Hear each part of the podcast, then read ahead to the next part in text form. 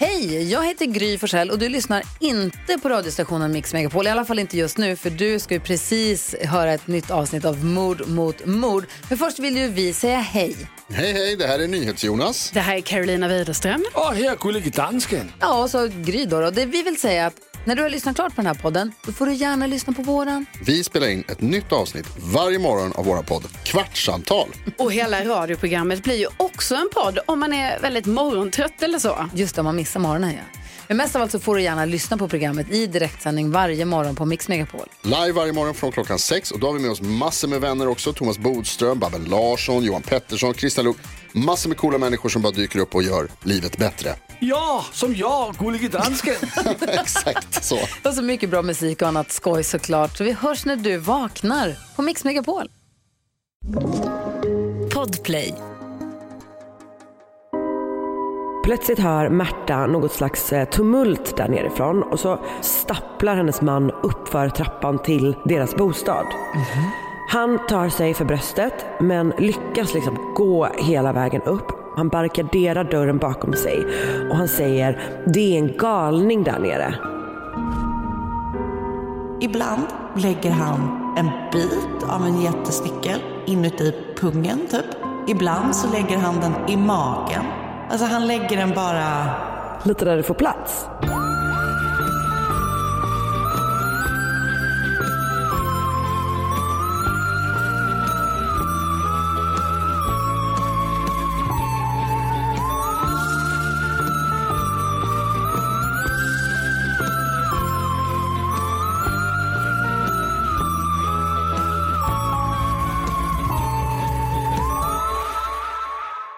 Välkomna. hälsar vi precis hjärtligt välkomna till vår podd. Det känns ju som att vi har glömt bort hur man poddar Vanligt. på vanligt. Ja.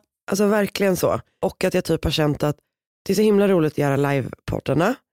Men man, liksom, man kan nästan sakna det, det lilla i det här. Typ. Att det är, ja, man bara, det är mysigt också. ja exakt. Med det sagt så har vi ju några stycken, eh, några få livepoddar kvar att göra. Eller hur? Ja, det är helt sjukt att det, nu har vi gjort hälften. Liksom. Ja, jag vet. Bara tre stycken stopp, fyra poddar Mm. och det känns eh, så himla kul. Och typ den här hösten har varit liksom helt otrolig ju. Alltså verkligen. Att få åka runt Och och göra det hoppas att det här. håller och... i sig. Verkligen, verkligen. Men det är upp till er. Nej, jag skojar. Verkligen. Vi lägger vår lycka i era händer. Alltså- Please make our days. verkligen. Så lovar vi att göra vårt bästa för att make yours. Exakt. Vi kommer ju till um, Uppsala Nu, idag, Ja, typ exakt. imorgon. Ja. imorgon om du lyssnar på Podplay, idag om du lyssnar på alla andra ställen. Så kommer vi till Uppsala. Det kommer bli helt otroligt. Din relation till Uppsala? Jag har inte varit där jättemycket. Var där en gång på midsommar. Då var det ingen där kan jag säga dig. Nej, det känns verkligen som inte en midsommarstad. Nej, nej det var det inte. Det var det absolut inte. Eh, Så jag hoppas att det är mer folk när vi kommer. Det hoppas jag också. Och det är ju en, en trevlig stad. Jag var där i, på Valborg. Varför var det? Ja just det, jag hade, vi hade glömt bort vad Valborg innebär i Uppsala. Ja. Du hör ju, vad är- varför är jag i Uppsala på alla de här liksom, konstiga högtiderna. högtiderna? ja, nej men Valborg i Uppsala är väl the shit. Hur är din relation säga. till Uppsala, du som ändå valde Lund under Ja studietiden? men exakt. Jag tror det var för nära hemma just för, Ja. liksom, i det valet. det känns rimligt. Uppsala är alltså så fint. Alltså det är verkligen så himla mysigt där tycker jag. Vi har varit där några gånger för att Oskars moster bor i Uppsala. Ah, Och det är så himla mysigt. gud vad bra. Och jag har också varit i Uppsala en gång på valborg och jag hann knappt komma dit innan jag åkte hem kan jag säga för att eh, mitt sällskap eh, spårade ur. Det var vilt. Så jag är supertaggad. Jag hoppas att det blir valborgsstämning på podden snarare än verkligen. midsommarstämning då. Finalborg? Frågetecken. Jajamän. Jag har ingen aning. Valborg, valborg, finalborg. Allihopa, allihopa kommer vi ta Ja, i en kväll. en det är jag som kommer göra det lokala fallet. I like it. I like it a lot. Det ska bli jättespännande. Och sen nästa vecka, lördag. En underbar lördag i Örebro, eller hur? Ja, så kul. Vad känner du för Örebro då? Vad har du på Örebro? Men det är väl Örebro fästning och sådär va? Slott. Slott. Det är Kalmar fästning. Det ligger ju väldigt fint där mitt i stan. Liksom. Just det, Jag bodde i Örebro en vecka en gång. en vecka. Se där. Stora tider. Det var ju eh, Musikhjälpen det året jag jobbade var i Ja, Örebro. ja, ja, ja, ja. Just det. Nej, men, eh, jag, jag har typ eh, faktiskt, eh, jag har varit på Örebro tågstation. Det är väldigt trevligt i Örebro.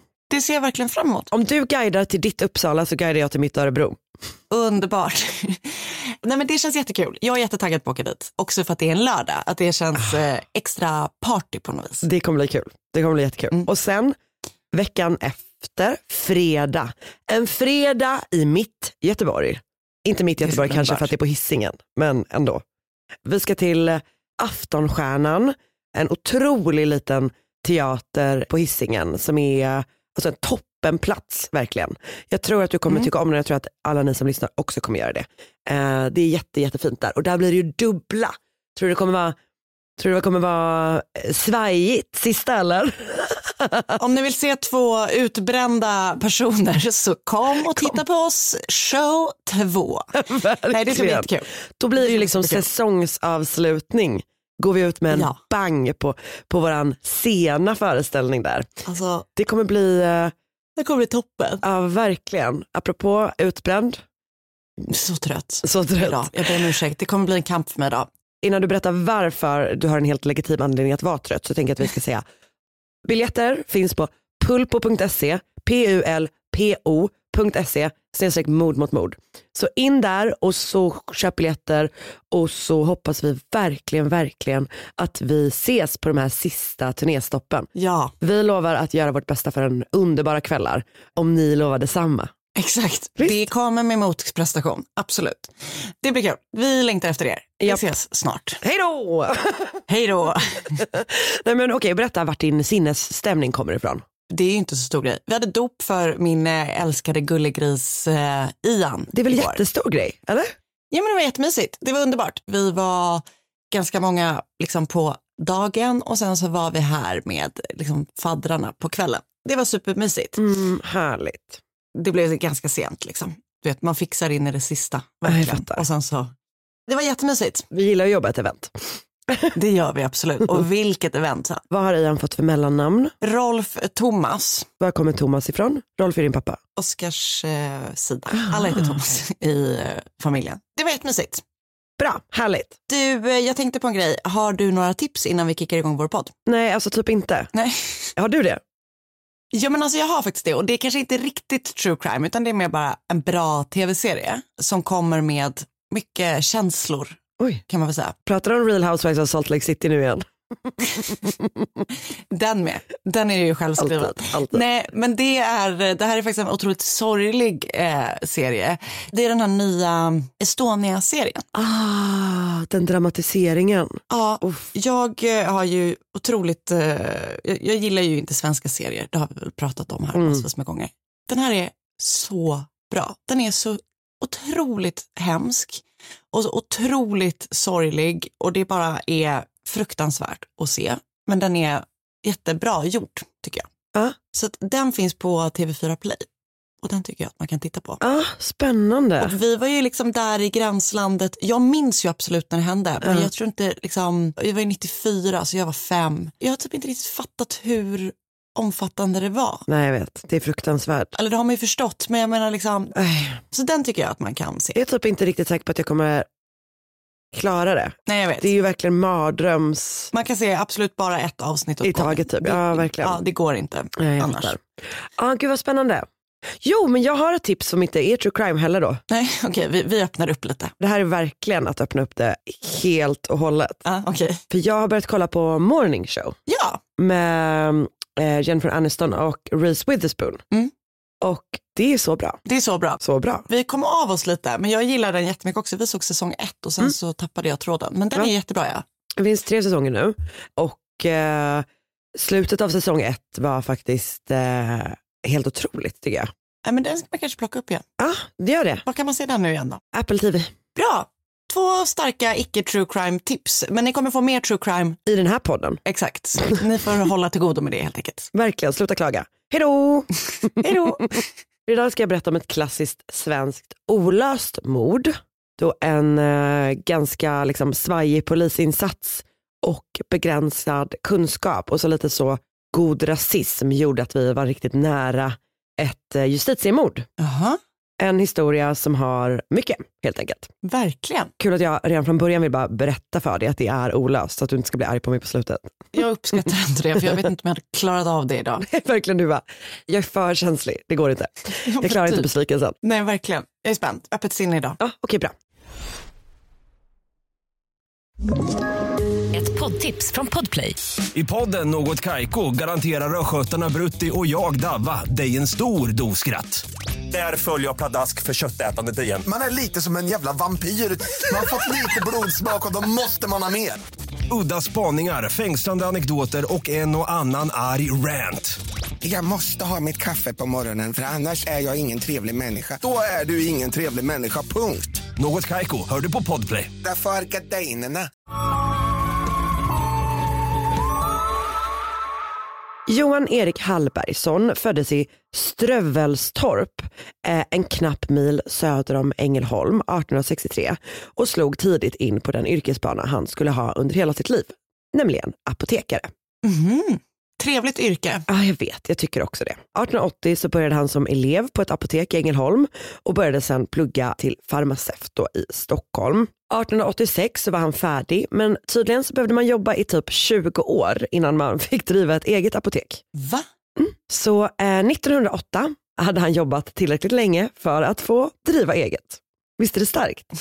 Ja. Okej, nu ska du bara ut och skaffa dig 20 års erfarenhet. Det är verkligen, det, då är man verkligen committad till sin karriär. Jag antar att det inte fanns så många apotek heller. Alltså, Nej. Nu är det ju verkligen apotek på varje gathörn. Alltså, nu hade det inte gått att ha, ha liksom 20 års erfarenhet för att det är så många apotek Nej. som ska fyllas. Liksom. Till slut då så hade han gjort det här och fick börja driva ett eget ställe och det blev apoteket i Hammarby. Det har ingenting med Hammarby i Stockholm att göra utan det här är Hammarby i Upplands Väsby. Eh, och det här apoteket låg ut med en eh, landsvägen mellan Stockholm och Uppsala. Och den här byggnaden ligger fortfarande kvar men det är numera ett café. Mhm. Apoteket låg på bottenplan i en tvåvåningsvilla och på övervåningen så bodde Johan med sin familj. Han hade för länge sedan träffat en apotekardotter som hette Märta Lätt som också blev den allra första kvinnan i Sverige att själv bli apotekare. Mhm. Hon var Sveriges första kvinnliga apotekare. Wow. De jobbar då tillsammans i Hammarby apotek. Så hon är ju i den här fasen då som han var innan när man skulle jobba 20 år. Om du Ja. fattar. Mm. I deras apotek. Och det var väldigt jobbigt att driva apotek för att man skulle vara tillgänglig dygnet runt. Ah. Så alla apotek var liksom sådana nattöppna. Eller du vet, de kanske inte behövde ha en öppet men man skulle kunna få tag på dem Vad sjukt. hela tiden. De hade fem barn och när den här historien inträffar så är det äldsta barnet drygt 12 och det yngsta bara något år. Utöver paret och barnen så bor också en hushållerska i huset. Hon heter Ebba Larsson. På kvällen måndagen den 1 december 1913 är Johan i apoteket som vanligt. Klockan börjar närma sig åtta så jag tror inte det var liksom någon rusning. Men han gick där nere på nedervåningen och fixade och donade medan alla andra var på övervåningen. Plötsligt hör Märta något slags eh, tumult där nerifrån och så plötsligt så liksom stapplar hennes man upp för trappan till deras bostad. Han tar sig för bröstet men lyckas liksom gå hela vägen upp. Han barrikaderar dörren bakom sig och han säger det är en galning där nere. Aha. Och sen kollapsar han och kommer aldrig att vakna igen. Usch. Märta ger hushållerskan Ebba det värdelösa jobbet att springa och hämta hjälp. Värdelöst Mm. eftersom eh, enda vägen ut var då genom apoteket där den här. Eh, gärningspersonen befinner sig. Och mycket riktigt, när hon kommer ner på nedvåningen så attackeras även hon. Gärningsmannen bär kniv och han hugger mot henne och träffar både ansiktet och armar. Uff. Men hon lyckas liksom ta sig loss och springer därifrån. Hon rusar till närmsta granne som bor några hundra meter bort och därif- därifrån får, liksom, får man då tag i länsman som kommer Aha. till platsen kort därefter. För han, eh, han heter Hasselhun och han bor nära brottsplatsen. Det enda då som talar emot att han skulle kunna komma snabbt är att han har middag hemma eh, den här kvällen. Middag och bridge med ett gott gäng. Precis som du hade igår. Då dricker de sherry 100%. Ja, exakt så. Exakt så. Eh, men han lämnar då förstås tillställningen för att bege sig till brottsplatsen. Och där kan man konstatera att Johan är död. Och man hittar enligt vissa källor en pistol eh, på liksom, i, i typ en trappa eller någonstans i lokalen. Men det är liksom olika källor säger olika saker om vems pistol det var. Alltså vissa säger att det var eh, en oladdad pistol som Johan hade i apoteket för sin egen säkerhets skull. Så att det kanske är mer som att han har du vet, plockat upp det eh, för att försvara sig. Eh, det är liksom inte, verkar inte säkert att det är gärningsmannens pistol. Liksom. Länsman sätter upp vägspärrar men missar att kontrollera järnvägsstationen som ligger nära. Han missar också att stänga brottsplatsen när han går därifrån. Han är nämligen väldigt sugen på att fortsätta den här bridgefesten. Så han går tillbaka hem och fortsätter med sin bridge och sherrykväll. Typ. Slappt. Ja, riktigt slappt. Nästa dag har ett 20-tal personer då alltså traskat runt inne på apoteket och det här är liksom bara början på ett haveri till utredning där man tappar bort bevis, inte följer upp ledtrådar och anklagar folk lite på random. Det genomförs ingen, till en början ingen rättsmedicinsk undersökning av Johans kropp. Han begravs och sen så kom man på efteråt att det kanske vore bra om man kollade lite på kroppen typ. Så han får typ grävas upp igen efter en vecka. Men nej. Eh, och man kan också då, man kan konstatera att han har alltså dödats med ett knivhugg i hjärtat. Ah. Man får förstärkning från Stockholm, bland annat nymodigheten polishund. Ehm, och först har den här hunden väldigt, väldigt svårt att spåra någonting eftersom det är så sjukt många som har rört sig på brottsplatsen. Typ. Men efter ett tag så får den faktiskt upp ett spår eh, som leder föraren till ett torp någon dryg kilometer ifrån apoteket. Man går dock aldrig in i torpet. Okej. De bara, okej bra, färdiga. Det, var Nu, hit, det var hit det ledde. ja, och så bara, bra, bra jobbat, nu går vi härifrån. Man gör Vad ingenting med sjukt. det spåret.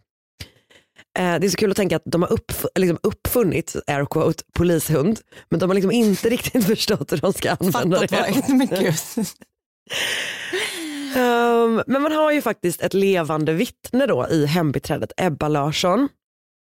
Hon säger att gärningspersonen var cirka 30 år, 165 cm lång, hade ett spensligt och ovårdat ansikte, brun hatt och jättedåliga skor. Vilket, Vad, liksom, vad lägger hon i det? ja, nej men det ska Att tilläggas de då är att trasiga typ? alltså Ebbas kommer senare säga att hon aldrig har sagt det där om skorna. Utan att det var någonting som Nej. Hasselhun la till. Aha, Vilket är okej. ett starkt sätt att brodera ut någons vittnes, vittnesmål. Verkligen. Eh, Och så onödigt på något vis. Ja exakt men ehm, det finns väl någon slags teori om att det kanske gjorde att det passade in på den typen av person som han tänkte var skyldig till mordet. Ja, jag fattar. Ehm, och han får snart upp ögonen och kanske inte, säkert inte bara han utan liksom polisen får snart upp ögonen för eh, två stycken personer som de tycker är väldigt, väldigt misstänkta. Det är två kringresande italienare. Du hör ju.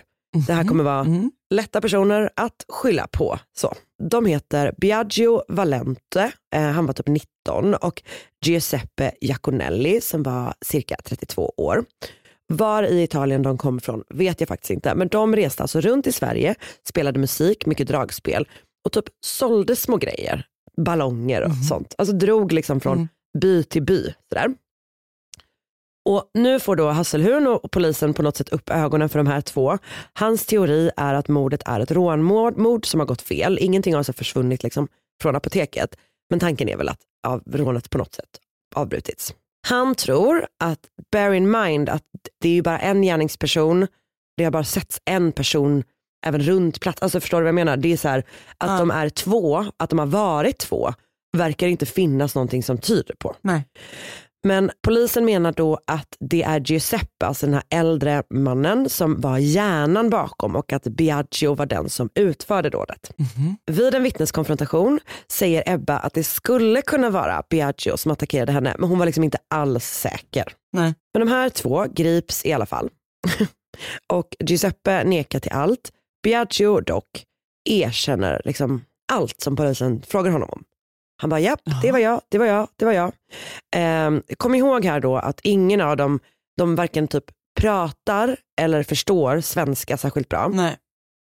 Biagio har också någon slags, eller hade då någon slags intellektuell, intellektuell funktionsnedsättning.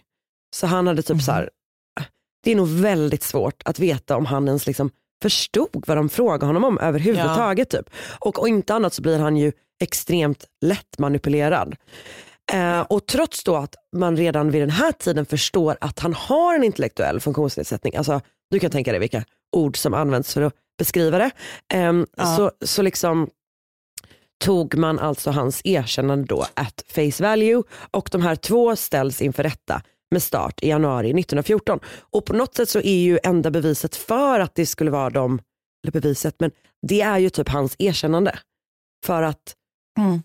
Det finns ju ingenting annat som binder dem till platsen eller till mordet eller du vet någonting. Ju. Nej. Men det hade väl liksom passat jättebra om det var typ två kringresande främlingar från ett annat land som begick det här fruktansvärda mordet helt enkelt.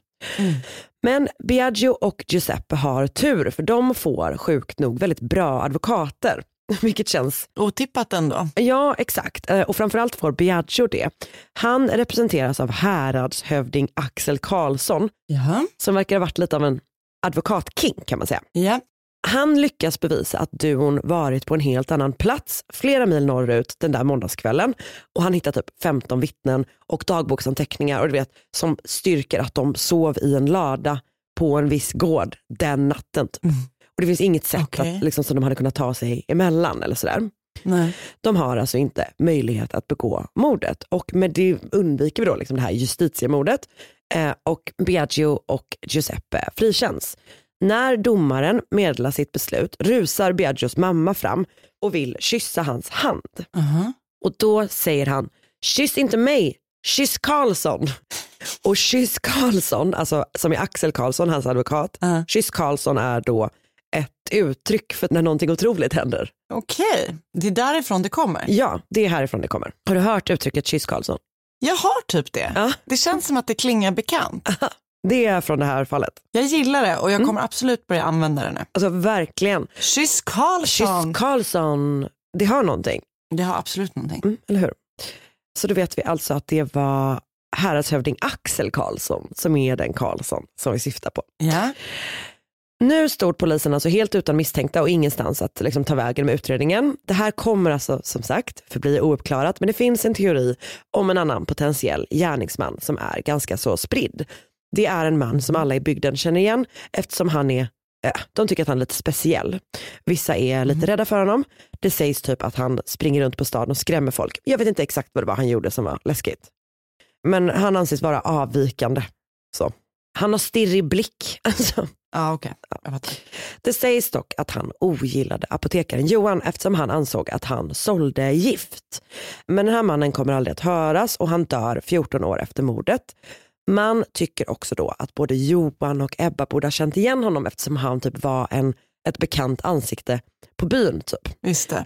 Men han bodde någon kilometer från apoteket för han bodde i det där torpet som hundens spår ledde till. Nej, vad sjukt. Mordet på Johan Hallbergsson blev väldigt omskrivet i Sverige, men förstås särskilt stort i apotekarkretsar. Han är den enda svenska apotekaren som har liksom dött på sin post. Ja, okej. Och apotekarcommunityt samlar in väldigt mycket pengar till Johans familj efter mordet och så här, de liksom sluter verkligen upp kring hans familj. Typ. Hans fru Märta kommer att flytta från, de flyttar familjen liksom, eh, men hon kommer fortsätta att arbeta på apotek under hela sin karriär. Jag har då eh, läst en, eh, en väldigt bra källa i en text från sajten svenskfarmaci.se. Som sagt, det är stort i apotekarkretsar. Den är eh, skriven av Per Boström som också verkar hålla lite föredrag och sådär om det här fallet. Han verkar ha väldigt bra koll på Hammarbymordet kallas det. Jag har också sett ett avsnitt av Veckans brott där GV berättar om det här. Eh, tror du han går hårt åt länsman Hasselhun eller? Vilken jävla roast det är. alltså. Du vet att han bara, vilken jävla idiot. På Flashback finns utdrag ur en artikel publicerad i Populär historia nummer 12 2013. Jag har läst på mordkartan.se och platsenshistoria.se.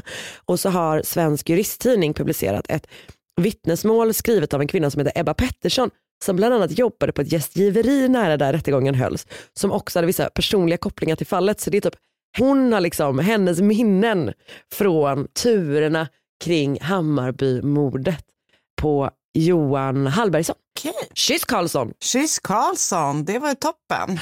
Tack Karin. Det var det jag hade att bjuda på idag. Då är det ju dags för mig att ta vid. Idag är det liksom ett litet udda fall. Spännande. Ja, häng med bara. Ja, kör, kör, kör. 1885 föddes John Romulus Brinkley i Beta i North Carolina. Och det är ett så starkt namn tycker jag. Han är döpt efter Romulus i den eh, romerska mytologin. Eh, och Romulus där då var son till krigsguden Mars. Så att jag menar det är ju ändå ganska Det är stora skor. Exakt så, tack. Johns pappa då, som också hette John, var fattig. De hade en jättetuff uppväxt.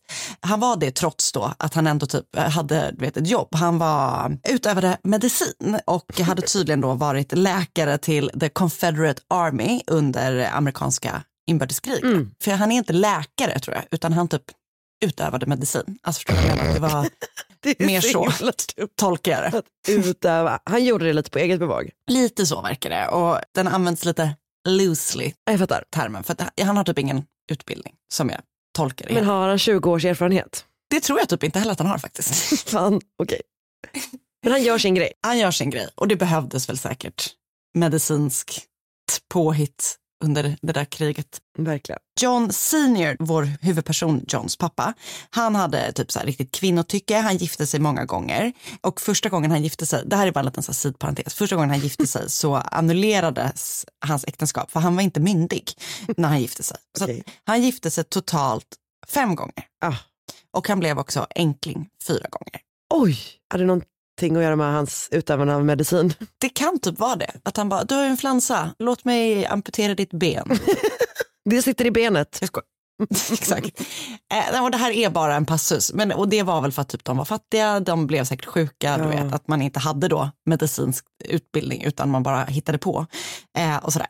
Eh, men så att han hade många fruar och John då som är vår huvudperson, då, hans eh, mamma, liksom fru två tror jag i ordningen, gick bort när han var fem år gammal. Och sen dog pappan när han var tio år gammal. Så han växte typ upp utan föräldrar. Ja, jag fattar. Han gick på någon skola som var typ som ett internat och efter han var färdig där när han var 16 år så började han arbeta som eh, brevbärare och eh, det verkar vara liksom brevbärare upphöjt till två för att eh, han sprang liksom inte runt i ett kvarter utan han bar post, alltså all post mellan två olika städer. Oj, Ganska tungt arbete. verkligen. Men han drömde om att bli läkare. Han drömde om att utöva medicin. Och vägen dit skulle liksom inte heller följa det läkarspåret som det ser ut idag. Helt enkelt.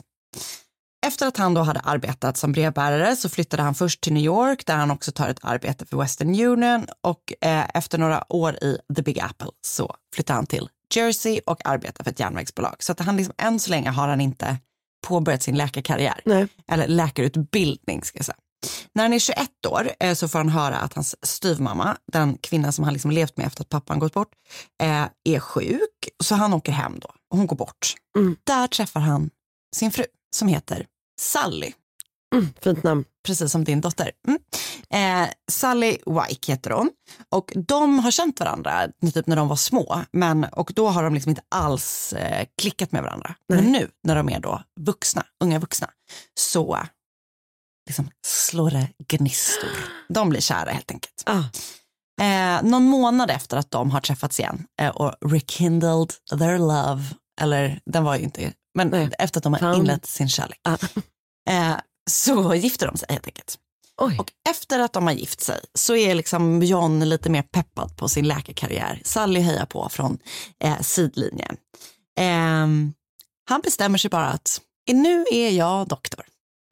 Så att han tar med sig Sally ut på vägarna och hävdar då att han är en så kallad quaker doktor. Huh. Kväkare, Precis. De åker runt då och har typ alltså så här små shower. som alla bra läkare har. Ja, och det här har vi väl pratat om förut, har vi inte det? Jo. Att någon fejkar en illness och så är det typ att bara, men om du bara typ träffar mig i pausen så ska jag bota alla dina problem. Japp, japp, Typ japp. Ah, Och de säljer också eh, någon så Någon Liksom. remedy. medicin som ska hjälpa alla åkommor som folk kan tänka sig. Eh, så det är liksom, helt plötsligt är han bara doktor och han typ får patienter via de här showerna. Ah. Jättekonstigt. Sen efter det, de hamnar i Tennessee, där hjälper han en annan doktor. Jag tror att alla som är, kallas för läkare eller doktorer här, typ knappt är det. Så, så jag vill ändå säga det. Han du vet, säljer något serum eller en dryck eller någonting som ska stärka kundernas manlighet. Om ni fattar vad jag menar. Om ni fattar vad jag menar.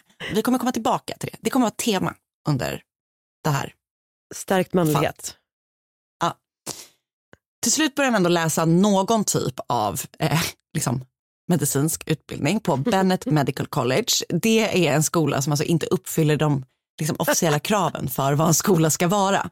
Men de lär ut så, så kallad eklektisk eh, medicin och så som jag typ tolkar det så är det typ någon typ av så här holistisk lära. Alltså du vet att Just det är, de har typ så botaniska läkemedel, psykiskt välmående, typ fysioterapi. Alltså, Ja. så de, de gör saker, men det är liksom inte antibiotika eh, och så. Eh, och där öppnas eh, dörrarna då för det han senare ska syssla med i livet. De läste en kurs eller någonting om något som kallas för glandular extracts, vilket alltså är substanser som man då tar från körtlar från djur för att se då hur det skulle kunna funka som medicin. Huh. Eh, Okej. Han jobbar liksom, han pluggar här och ehm, han typ jobbar lite vid sidan om. Eh, och, och, och liksom, det händer, han, han typ slutför inte sin utbildning i alla fall. Det Mm. händer massa saker i hans privata liv. Typ Sally lämnar honom under en period och sen så typ tvingar han henne att komma tillbaka för att han eh, kidnappar deras dotter. Alltså du vet, han gör mycket skit den här John. Ja. Eh, och till slut så bestämmer han sig för att så här, jag behöver inte läsa färdigt på min läkarutbildning. Jag kan bara bli läkare. Ehm, Det är också kul med att här- det är så här, att inte ens den här hittepå-läkarutbildningen kan han gå klart. Nej. Alltså han bara, Nej. det här, är, det här är för mycket. Det här är för mycket för mig. det, jag bara ja, är är så. läkare. Han har, jag bara är läkare och han har typ inte riktigt pengar heller. Så att han du vet lämnar eh, Bennett Medical College utan att ha betalat för sig där. Ja. Eh, och eh, du vet så. Så han typ försöker fly. Eh, men när han sen bestämmer sig för att börja plugga på ett annat universitet så vill de ju inte ta in honom för att han bara, de bara, du kan inte ta den här påbyggnadskursen för vi vet inte ens om du har tagit liksom kurs ett. Mm. Många turer. Han köper istället ett läkardiplom från en hittepåskola som heter Kansas City Eclectic Medical University som alltså säljer papper på utbildning. Det är så soft. Eller utbildning på papper skulle jag säga. Ehm, och han och Sally och deras tre barn flyttar omkring och till slut så landar de i Greenville i South Carolina där John och en annan man som också är doktor eh, öppnar då en mottagning vid namn Greenville Eclectic Medic Doctors. Och jag tycker det är så kul för det känns som att de verkligen så behöver skriva, alltså du vet, jag vet inte, det känns som att de Ja, man, om man måste hävda sig så mycket så är man inte. det det verkligen. John. Kommer du ihåg att jag gjorde ett fall med ett, en pojke som var en doktor? Ja, absolut. Så han som Det alltid gick runt typ i sin han. scrubs typ. Läs riktiga läkarlinjen om ni vill bli läkare, people. Där öppnar de då den här mottagningen och de eh, riktar in sig på en väldigt specifik eh, kundgrupp eller patientgrupp. Och det är då män som vill få medicinsk hjälp för att bli mer manliga. Om ni fattar vad jag menar. Det är liksom förlagan till Viagra de är ute efter här. Ett poddtips från Podplay. I podden Något Kaiko garanterar östgötarna Brutti och jag, Davva, dig en stor dos skratt. Där följer jag pladask för köttätandet igen. Man är lite som en jävla vampyr. Man har fått lite blodsmak och då måste man ha mer. Udda spaningar, fängslande anekdoter och en och annan arg rant. Jag måste ha mitt kaffe på morgonen för annars är jag ingen trevlig människa. Då är du ingen trevlig människa, punkt. Något Kaiko, hör du på Podplay. Därför är gardinerna.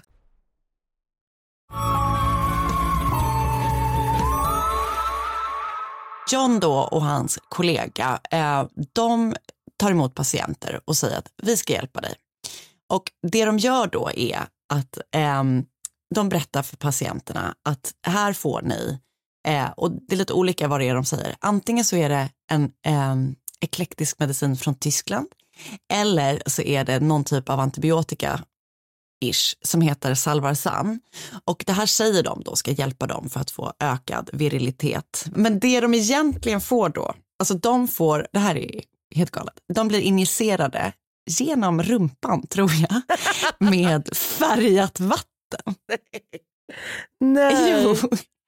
Och det är så dumt för det känns som att det är så dumt på många sätt för att eh, det är så där, någon som tror att de ska kunna ligga bättre och så går de och så får de sp- spruta med eh, Vatten i, färgat vatten i rumpan. upp i rumpan.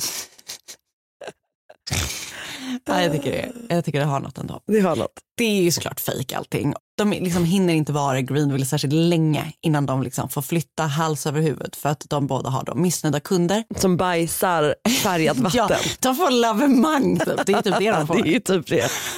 Jag tror inte att det är så mycket vatten i och för sig. De har i alla fall mycket missnöjda kunder.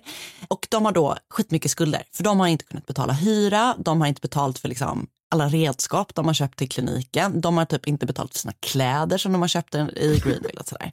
Så de bara drar helt enkelt. Ah. Och så landar den här duon istället i Memphis, Tennessee.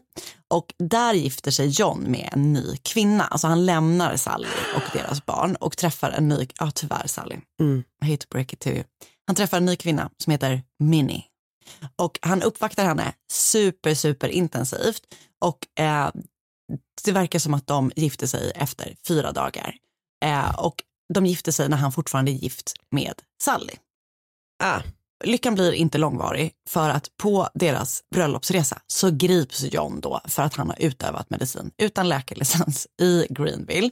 Och eh, han och hans partner häktas men de undviker att bli få fängelse för att de då eh, göra, lyckas göra settlements med då alla personer som de har lurat och de har lyckats betala av alla sina skulder. Och det gör de med hjälp av Minnis pappas pengar. Åh nej, Minnie. Ja. Men, och, men Minnie, hon är glad ändå och eh, hon ser till också att eh, John skiljer sig från Sally så att de liksom kan gifta sig på riktigt. När hon får höra att John är bigamist så blir hon skitarg och bara så här, nu har min pappa bailed you out, nu skiljer du dig från Sally och make an honest woman out of me. De bosätter sig då nygifta i Milford och då har han ju också ehm, då har han, liksom, han har ju fått lite pengar då i Minnie, verkar det som. Så han har då, dels då undvikit fängelse därför att han har lurat folk i Greenville, men han har också betalt av sin eh, skolskuld till Bennett Medical College.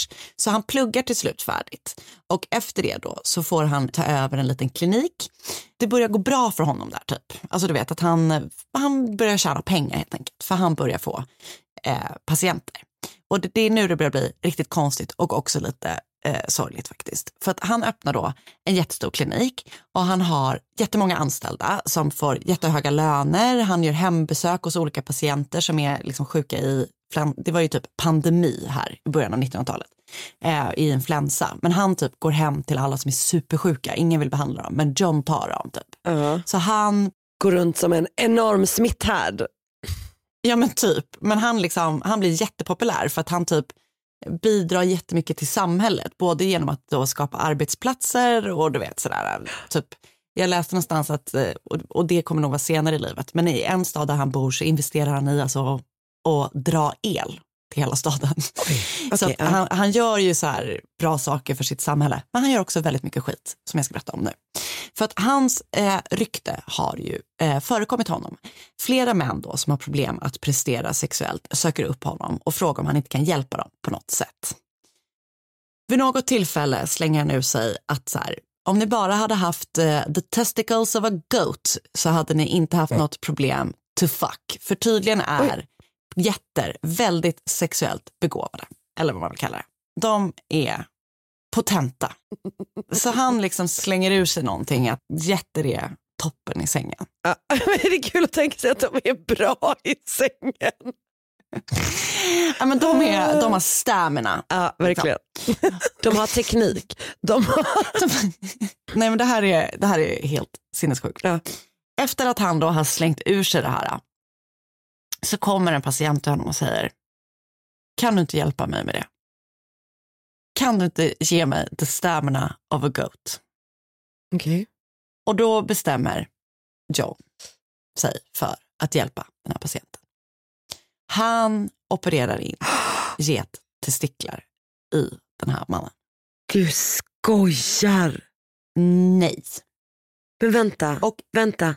Mm. Tar han ut mannens, Nej, eller fyller Alltså- han på om man säger? Eller- jag ska berätta. Jag ska berätta. Okej. hur han gör. Han börjar med, det här är alltså första operationen han gör. 150 dollar tog han för det. Han har aldrig gjort en operation innan? Nej, Okej. okej. det är ungefär 2000 dollar idag, tog han första gången. Efter den här första operationen så sprids ordet och eh, fler män vill då testa sin lycka. Så då ökar han priset markant. Han börjar ta 750 dollar för en sån operation, vilket är ungefär 11 000 dollar. Okay. Det verkar vara lite olika hur han gör. Ibland så lägger han en bit av en jättestickel inuti pungen typ. Ibland så lägger han den typ i magen. Alltså han typ gör helt... Alltså han lägger den bara...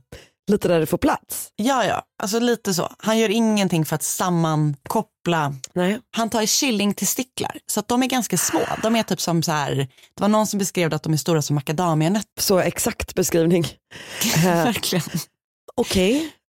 Så han, vad fan? Han liksom lägger det i kroppen och ibland så verkar det vara typ en hel testikel och ibland verkar det vara som att han tar typ en liten bit och sådär. Så att han har liksom ingen exakt eh, lära. Men han experimenterar lite helt enkelt.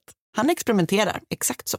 Det är då jättemånga som kommer för att träffa honom och vill att han ska operera dem. Han börjar bli känd och han gör också då reklam för sig själv eh, och han menar då att hans operationer med liksom glandular, alltså det är ju främst jättestiklar, men han, han liksom tar körtlar från Mm. djur. Eh, han menar då att de kan bota allt från demens till emfysem till att man typ är gasig i magen. Så bra. Varför gör inte fler det här? En stark slogan som de arbetade med var eh, “The ram that am with every lamb” och det kan översättas till “baggen som är med varje lamm”. Nej. Nej. Även om det då liksom, han främst behandlade män då som ville få ökad stamina så opererade han även kvinnor som typ hade problem med att eh, bli gravida eller liksom andra saker också. Han kunde som sagt bota det mesta. Utöver då den liksom blomstrande verksamheten så skrev han också ut medicin till folk. Han var ändå en modern man. Det här är lite snurrigt nu för att han utöver då sin läkarverksamhet så drev han en egen radiokanal. Han var typ den första som hade talking radio. Men gud, han är våran föregångare. Ja, det är ju det han är tyvärr, förutom att vi inte är läkare. Nej, det var inte Det han var inte han heller. Alltså han är exakt som vi. Nej, så att han, och det, han gör det för att han typ vill marknadsföra sig själv. Så att han har som en så här, um, frågelåda på radion typ, där folk får skriva in. Och um, så läser han upp typ så här, hej jag har eh, problem med, jag har ont i min tå. Typ. Ja. Och då är det som att han säger Han så här, go testicles in your toe right ja, men, now. Typ, typ. Men han är också, har då massa egen medicin. Så då är det typ så här, ah, okej du har ont i tån, men då tycker jag att du ska ha extrakt 7 och extrakt 14. Och det kan du hitta på de här apoteken. Och där säljer han då sin medicin. På jättemånga apotek. Liksom. Ah, Väldigt skumt. jättestarkt. Han har då sin operationsverksamhet och då sin eh, radiokanal och då eh, sitt läkemedelsbolag får man ju nästan kalla det för att han liksom, ja, säljer mediciner. Allt han gjorde var ju liksom bara på och lur eh, och även om det liksom, allting känns ju så här komiskt nästan när man pratar om det, men det Mm, är nej. också väldigt hemskt och sorgligt. Ja, för att eh, den här främmande vävnaden, vävnaden då, liksom från en annan art passade ju såklart inte i kroppen. Eh, och i vissa fall så det typ bara löstes den upp eller du vet, det hände ingenting med den. Men folk blev ju också jättesjuka. Utöver då att han hade den här helt galna hittepå-behandlingen så, så eh, var han också berusad ibland när han opererade folk och han var inte så bra på att göra rent sina verktyg. Så många personer, patienter blev jättesjuka och eh, avled efter att de hade träffat John. Han var liksom inte ensam om att göra de här helt sinnessjuka operationerna. Det spred sig och det var många då läkare runt om i hela USA som började göra just den här liksom, glandular transplantationen. Men det är han som liksom hittar på den. Ja, det verkar vara han som Ja. är liksom upphovsman till det. Ja. Jävlar. Ja, det är helt sinnessjukt faktiskt. Det kommer ju liksom att uppdagas, hans lurendrejeri. Han var ju allt annat än diskret. Han var ju liksom snarare att han typ basunerade ut då på, på sin radiokanal vad han gjorde för någonting. Eh, och det fanns jättemånga som gjorde så här testimonials att de var jättenöjda med hans operation. Men de typ betalade han. Eller du vet, folk typ hade så um, placebo och blev liksom bättre i sängen Just bara det. för att de trodde att de hade getesticklor. och sådär. De hade självförtroende. Exakt så. Det var det han gav dem. Han initierade getesticlar och självförtroende. Till slut blev American Medical Association intresserade av vad John höll på med och de skickade då enligt utsago en typ undercover agent för att liksom se vad John höll på med på sin klinik. Och utanför då så stötte han på en kvinna som hade fått äggstockar från en get inopererade i sin mage för att hon hade en tumör på sin ryggrad. När den här agenten möter den här kvinnan så kan hon typ inte gå. Alltså hon är jättesjuk. Liksom. De är bara så här, what the actual fuck är det som pågår här? Ah. Men den som till slut verkligen började få John Brinkley på fall var en annan läkare som faktiskt är en riktig läkare här nu. Vid namn Morris Fishbein. Som hade, han har liksom typ tagit det på sig han som sitt livs mission att förstöra John och andra hittepå läkares karriärer. Härligt. Ja, det känns ju ändå liksom Ja, ja 100 procent. bra. Ja, verkligen. Det får man lov att säga. Eh, och han då publicerar någon sån här skrift, typ en artikel eller någonting i två delar som heter Modern Medical Charlatans där han redovisar allt humbug som John har sysslat med. Och den får jättemycket uppmärksamhet. Liksom. Som svar på den publiceringen så stämmer John honom på 250 000 dollar i skadestånd, vilket är ungefär 5,2 miljoner dollar i dagens pengavärde. Men juryn då i den här stämningen dömer då till förmån för Morris och efter det så börjar John Romulus Brinkleys korthus att rasa på riktigt. Han blir då stämd av ett gäng personer. Totalt stämdes han på 3 miljoner dollar i dåtidens värde. Man kan ju bara liksom begin to do the math. Han ansågs vara indirekt eller direkt skyldig till att typ över 40 personer har dött. Ja, och liksom hur många mer som har blivit skadade vet man ju inte. Men runt 40 kan man nog ändå härleda som dödsfall. Mm, helt sinnessjukt. Det visade sig också då att han typ inte har betalat skatt någonsin. Typ. Så att han blir dels då anklagad då för de här dödsfallen eller han liksom blir åtalad typ för dem och då så ska han betala igen jättemycket skatt. För han har tjänat skitmycket pengar. Alltså skitmycket pengar verkligen. Så 1941 så ansökte han om konkurs och då började han också bli utredd för postbedrägeri. Alltså som är typ det här då att folk skrev in och alltså du vet han har gjort alla myndigheter i USA är typ så här we're coming after you. Ja.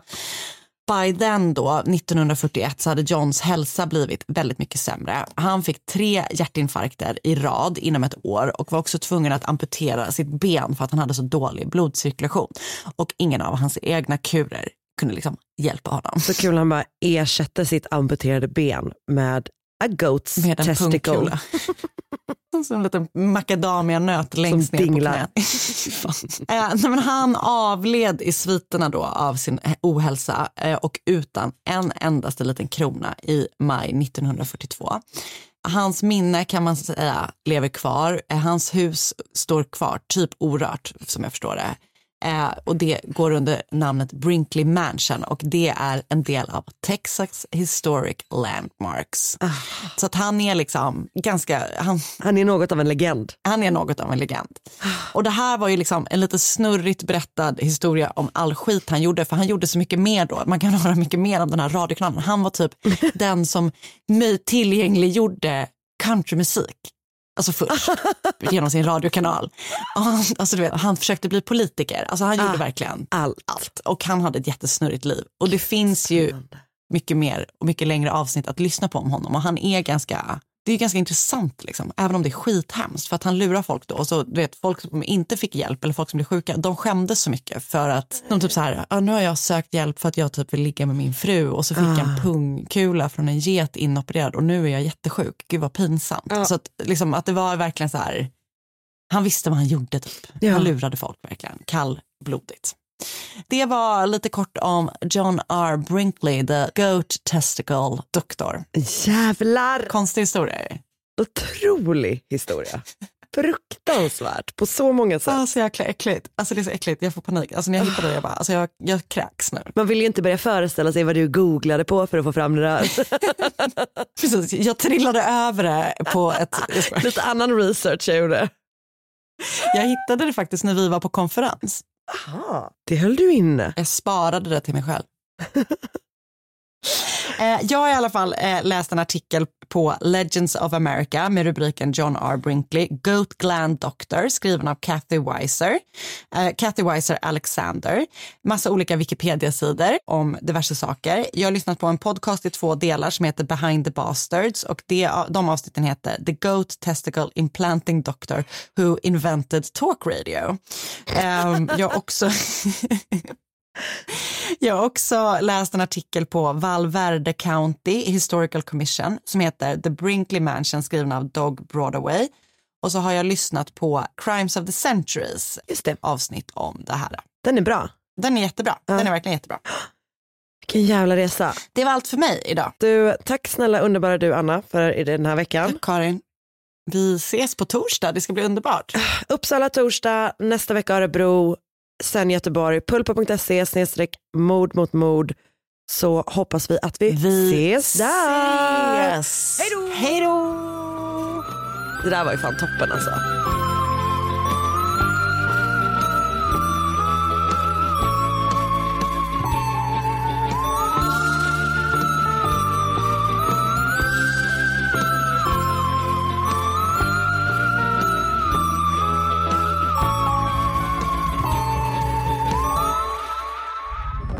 Podplay, en del av Power Media.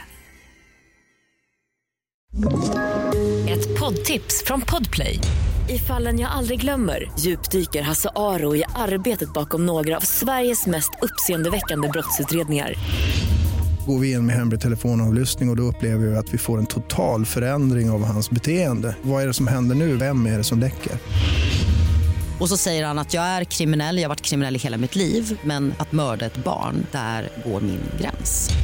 Nya säsongen av Fallen jag aldrig glömmer på Podplay.